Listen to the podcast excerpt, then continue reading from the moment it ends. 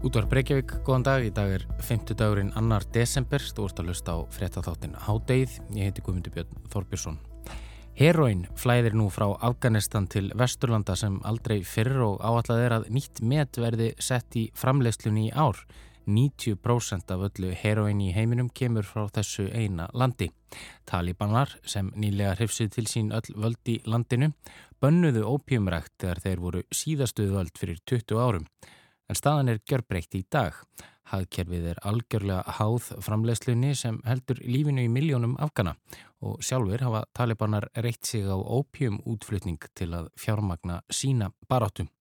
Við skoðum þetta forvöldnilega mál í síðari hluta þáttarins með Gunnari Rafni Jónssoni, bláðamanni og sérfræðingi málöfnum mið Östurlanda.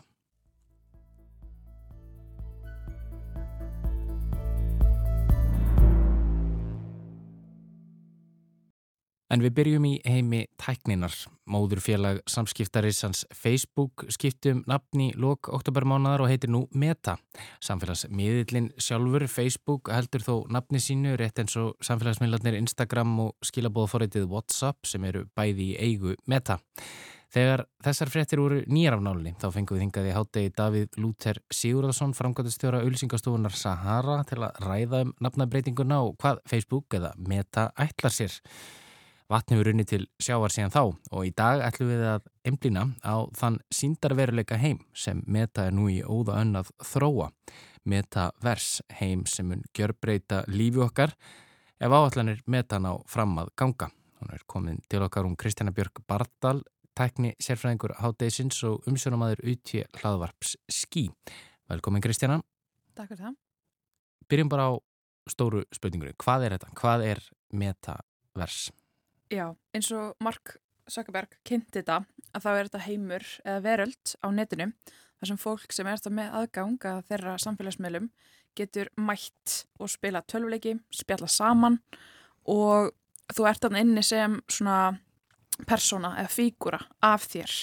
Og inn í þessum heimi að þá ertu bara að tala við fólk, þú ert að spila tölvuleiki og þú ert einhvern veginn að bara gegnum síndarveruleika En er ég þá með, sko, ég er þá með einhvers konar síndaverulega gleru á mér, það er þetta Oculus sem Já. að þeir kiftu, er það ekki? Akkurat, passar, þau keftu Oculus sem er þess að síndarveruleika gleru sem að margir tala um síndarveruleika á ennsku er virtual reality, Mm sem VR, VFR, gleru og þá er fólk að setja það bara á augun á sér og, þá að, og getur hort í kringum sig og séð heiminn. -hmm. En, og svo er verið að þróa það þannig þannig að það getur bætt við og hreift þig inn í heiminum. Þannig að þegar þú hreyfir hendina þína en þú vilt kannski heilsa viniðinum með handabandi Mm að þau eru líka að þróa hanska. Ég sá hérna að þau eru að þróa hanska þannig að þau eru að nota held ég bara svona loftrýsting þannig að þú getur prófa þú veist, þú getur kannski spila Jenga þar sem þú ert með þess að þrjá kuppa alltaf og hverju öðrum. Já, þannig að þú getur spila það við vindin og fundi fyrir því þegar þú tekur upp kuppin eða kuppurinn dettur eða eitthvað svo leiðis ég. En við erum væntalega ekki á þeim stað að við getum sko fundið fyrir snertingu. Nei, ekki ennþá Nei. En þetta er langtíma, þetta er langtíma áallin. Þetta er ekki að fara að gerast á morgun, þetta er ekki að fara að gerast í næstu viku, það er talað um næstu ára tíu, jafnvel. Já, sko eins og Facebook talar um, eða meta, við segjum þetta, þannig að þá er það að tala um 5-10 ár þar sem við vilja koma einhverju frá sér. Því það er rosalega mikið að fjárfyrstum verið að leggja peninga í þetta og Facebook er að ráða um 10.000 manns á þessu tímabili næstu 5-10 ár til þess að koma einhverju af stað. En hver er svona, uh, maður spyr bara hver er þá tilgangurinn eiginlega með þessu? Nú, höfum við, nú getum við sko, farið út í búð og hlusta á músík og allt þetta og gert þetta bara í raunheimum, í kjötheimum eins og við stundum talaðum. Mhm. Eh, hvað er þetta að fara að bæta við líf okkar? Hvernig er þetta, hvernig er þetta, hver er svona þeirra rauksindafæsla fyrir því að við eigum að nota eitthvað svona síndaveruleika til þess að gera hluti sem að, já, við þó eigum að gera bara ótengt. Sko það sem þau kannski vilja gera er að bara koma tengingum sem eru kannski ekki endilega til staðar. Þannig að þú getur tekið hérna, spilakvöld með vinniðinum sem eru öll í sikkur í heimsálunni og svo er líka annað að þá eins og með það eru margir sem vinna heima núna. Og líka sín þeirra því að Facebook er náttúrulega líka með eitthvað sem heitir Workplace sem er bara uh, Facebook fyrir fyrirtæki. Og þau eru líka að horfa það hvernig geta þau gert uh, vinnustaði þannig að þú ert setur við skrippborið þitt heima hjá þér en með því að fara inn í metaversið en að sínda veruleika að þá sérðu alla aðra á skrifstofunni líka. þannig að það auðveldar þessi samskipti bara, heyrðu, gummi, varstu búin að skoða þetta mm -hmm. og fólk er að lappa framhjáður og svo framvegis, mm -hmm. þannig að fólk sem er þá að vinna heima er samt nær fólkinu sem það er að vinna með þannig að þau eru einhvern veginn að reyna að koma með þetta og það er líka alveg bara alls konar spurningar hvort að þetta sé gott eða slæmt er, er verið að koma fleiri tengingum mm -hmm. eða er verið að gera það verkum að fólk mun frekar kjósa að vera þarna heldur en í raunfyrleika Emmitt, emmitt uh, þetta mun vantilega bara hafa áhrif á sko, hvernig, já, hvernig við rauðum upp húsun okkar eða íbúðun okkar því að ég gerir á fyrir að maður sé maður alltaf lappandi maður á reyfingu en maður er samt inn í öðrum heimi Akkurat. það getur verið að reyka sér hluti og þess að það og það er bara spurning, veist, getur verið að lappa og getur verið að svífa um veist, hvernig ætlar að gera það heima í stofu? Mm -hmm. ætlar að vera þá að hlaupabretti eða að ferði inn einhvern klefa? Verða allir með bara svona ákveð stúdjó fyrir mm -hmm. þetta? Og líka þess að þú ætlar að vinna heima og ætlar þá að tala við fólk og lappa það næsta borði. Þarfstu þá að setja upp einhver aðstöðu heimahöður eru hætta að nota sjónvarpið? E, Svona hlutir maður heyrir náttúrulega þegar tæknin nýjungar koma þá koma svart síðan þess rættir og segja að þetta er bara bóla þetta lifir ekkit af uh, það verður ekkit úr þessu við munum nú eftir hérna fyrir nokkur árum þegar að ég held að það verið Google sem kynnt einhvers konar gleru Já. sem einhvern veginn náðu aldrei flugi um, Er þetta að bóla eða, eða trúa fjárfæstar á að þetta verði einhvers konar heimur sem muni skipta okkur miklu máli í fremtíðinni? Fjárfæstar eru að trúa á þetta vegna þess að líka samlegar áhrif með tölvuleika fyrirtækjum. Það eru rosalega stór tölvuleika fyrirtæki á borðið Fortnite og fleiri sem að eru að sumulegið setja fjármagn í þetta. Því það getur þá í gegnum metaversi spila tölvuleiki og þau trúa að þetta sé að fara að gerast þannig að fjárfæstar eru að leggja mikið pening í þetta. Þannig að það er spennand að sjá hver frumgerðin verður af þessu, hvort að við svona hverstags fólkið fáum að nota þetta eða hvort þetta verður bara um, svona viðbættur raunveruleiki og annað tölvuleiki og fyrir fólk sem er að spila tölvuleiki. Þannig ég er spennt að sjá hvort að maður virkilega fara á spjalliði vinni sína mm -hmm. þarna í gegn Þa, færi, kannski, færi spilin, spilið þanga yfir sko. Einmitt, þá er kannski verðt að spyrja bara alveg í lokin Kristjana, er, eh, munir þau kannski mögulega að gera það verkum að já, þetta efli svona félagslegu hliðarnar á lífinu og, og kannski hjálpi fólki sem er erfitt með, erfitt með eignast vini og annað að, að kynast fólki þarna inni. Já, ég vona það að það verði þannig og náttúrulega mikið tala um að það þarf að vera örugt og svo framvegs. Þannig ég er spennt að sjá hvort það myndir strömmurlegar tengingar þarna inni. Kæra þakki fyrir komuna í hátið, Kristina. En þá höldum við til útlanda, til Afganistan. Heroin flæðir nú frá landinu til vesturlanda sem aldrei fyrr og áallega er að nýtt met verði sett í framleiðslunni í ár en um 90% af öllu heroin í heiminum kemur frá þessu eina landi, Afganistan. Talibanar sem nýlega rifsuð til sín öll völd í landinu og við höfum fjallaðum hér ítalagi hátteginu, bönnuðu ópjumrækt þegar þeir voru síðastu völd fyrir um 20 árum en staðan er gjör breytt í dag hagkerfið er algjörlega háð framleyslunni sem heldur lífinu í miljónum ákana og sjálfur hafa talibanar reitt sig á ópjum útflutning til að fjármagna sína baráttu. Hingaðu komin Gunnar Hafn Jónsson, bladamæður og sérfræðingur í Málafjöndum með Östurlanda. Velkomin Gunnar. Takk. Byrjum bara á svona forsögunaðis. Hvernig stendur á því að Afganistan var uppspretta já, nánast alls þessa her heroins sem að já, fíklar á Vesturlundum nota? Það var náttúrulega lengi verið ræktað þarna. Brettar notuðu uh, indverslandsvæði ekki langt frá til þess að rækta opium til þess að flytja til Kína á sínu tíma. Uh, síðan hefur verið uh, menn hafa tekið eftir í gegnum aldanar ás að þetta vex ótrúlega vel í Afganistan með að við annað. Það er mjög erfitt að rækta vísvegar í norðurhluta landsins uh, mat, það er ekki hægt að rækta kveitinu með mjög takmörkuðu leiti en ópjum sprettur mjög vel og verist verið að kjöra aðstæður fyrir þetta mörgum stöðum í landinu. Það sem gerist uh, er að þegar upplösnin í borgarastíðinu hefst upp úr 1980 meðan að Sovjetríkin voru ennþá með sterk ítöku í landinu er að vopnaðir hópar sem voru að berjast gegn uh, Sovjetríkjónum fóru að uh, reyða sig meira og meira á að framleiða heroinn eða ópjum sem var rægt að ópjum er, er uppi staðan í, í því þú þarft er að framleiða heroinn og það var síðan selt uh, til Vesturlanda gegnum uh, Íran og Tyrkland og Pakistan og önnur grannriki og þetta varð uh, sístækkandi yðnaður og meðan að borgarastýrinu geysaði að því að var fátt annað sem gatt uh, gefið jafn mikinn uh, fjö af sér eins og þessi rækt tíu sunni meira heldur en kveitirækt og menn tóku bara eftir því að þeir döfnuðu og þeir dalir þar sem þetta var ræktað og þar varu til peningar og, og uh, það sem uh, síðan gerist eftir að talibanar taka völdin er að þeir líta... Og þá ertu að tala um hann í fyrirskipti 95 eða 6? Já, já, fyrir ekki 96 sem að þeir taka völdin í fyrirskiptið og, og hérna á þeim tíma þóraðir í raunum verið ekki að hjóla beint í, í þessa rækt þeir lýsa hana óíslamska og hún sé gegn trú þeirra en uh, vitandi það að þetta var svo stór hluta hagkerfinu að þá fóru þeir fyrir eitthvað að skatleggja þetta og hafðu miklar mm. tekjur af því að, að skatleggja þetta fyrstu fjögur árin sem þau voru við völd. Árið 2000 hens vegar e, semjaðir við e, fíknefnastofnun saminuð þjóðana um að útrýma ópjumræktinu og margir tölduð að það er nú ekki staðið við það en innan nokkura mánada var 95% af uppskjörunni búið að brenna hana og hafa búið að uh, kveikja í öllum uh, verksmiðunum sem nú, voru notaður til að vinna ópjum í heroin og talibanar bara upprættið þetta á eina við einu ári algjörlega en að neðnað. En hvað gerist svo þegar að tjólabarnum er komið frá völdum 2001 og við tekum þetta 20 ára tímbil sem nú eru að enda? Já, þá koma bandarækjumenn náttúrulega sem nýjir uh, yfirbóðarar uh, landsins og þeir þurfa að reyða sig á stuðning þessara anstæðinga talibana sem að hafa alla tíð verið uh, fíknefnasölum en það er alltaf bara verið þeirra, þeirra business alveg frá því að þeir byrjuði að berjast gegn Sovjetríkjónum eins og ég sagði aðan og um, bandarækjumenn höfðu bara gefna á að styggja þetta fólk. Er vissu að þetta heroin myndi enda á Vesturlundum, aðal í Evrópu en þeir uh, gáttu í raunum verið ekki gert uh, nema eitthvað halfkák í því að uppræta þetta því að ríkistofnun í Afganistan hefði hreinlega runið.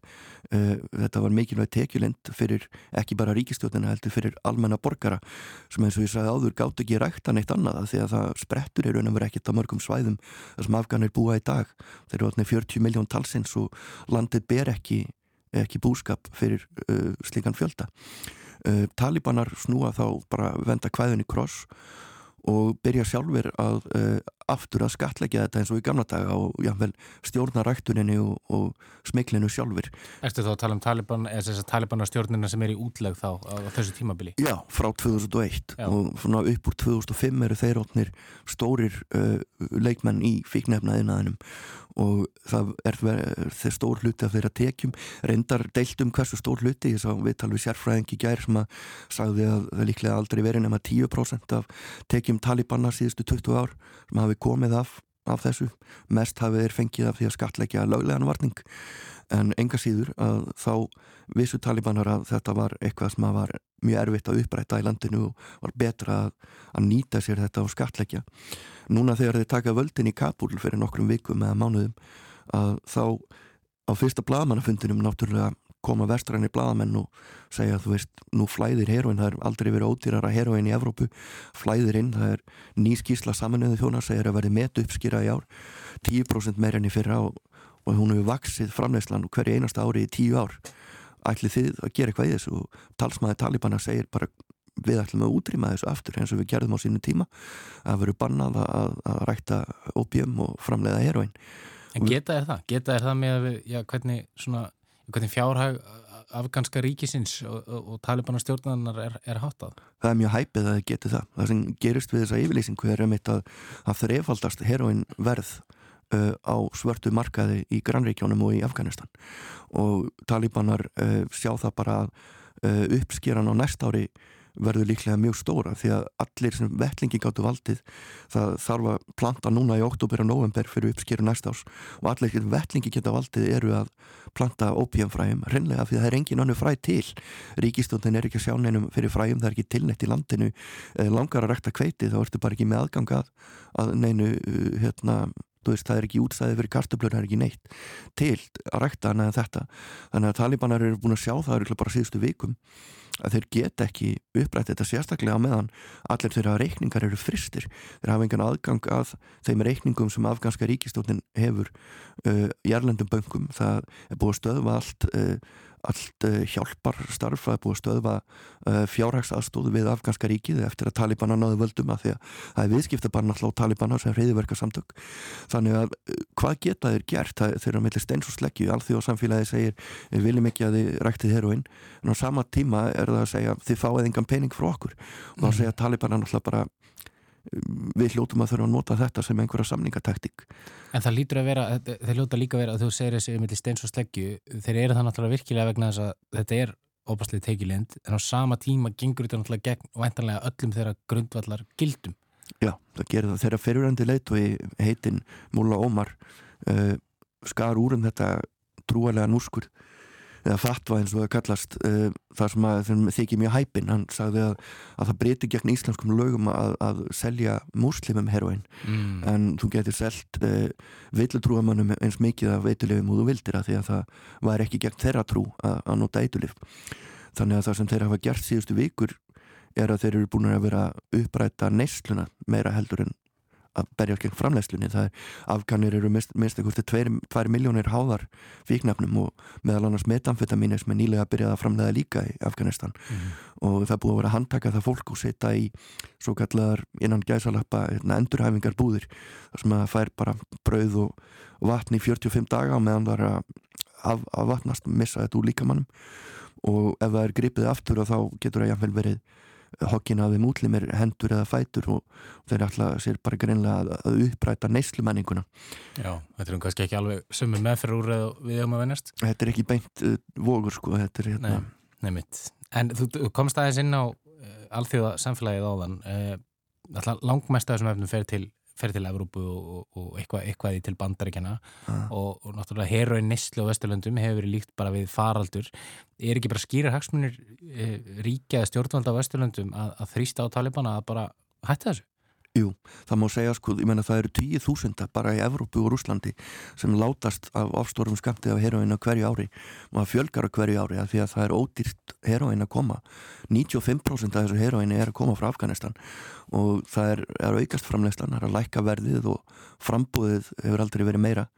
Þannig að maður hefði haldið sko að Vesturlund hlituð að þurfa að líta á þetta sem líðhelsu markmið heima fyrir reynlega að, hérna, að sjáttu þess að þetta haldi ekki áfram að blómstra og þessi faraldur er að draga ungt fólk í Evrópu til dauða í, í metfjöldi met á, á hverju ári. Þannig að e, Evrópussambandið og, og fleiri e, aðeinar eru, eru líka mellir steins og sleggja því að þeir vilja náttúrulega ekki byrja að styrkja þar sem þeir skilgreina sem reyðverkarsamtök Talibana að vera að láta það að hafa fjö vitandi að þeir geta kannski að morgun byrjað bara að banna konum að fara út fyrir dyr og maður veit ekki hvað þeir taki upp fyrir, fyrir hætti og, og það er mjög erfitt að réttlæta það að auðsa þá fjö en á samaskapi er það líklega eina leiðin til að fá þá til að vera ekki lengur algjörlega háðir fíknafnaframnæslu sem er í dag líklega meir en helmingur af hafkerfinu Einmitt.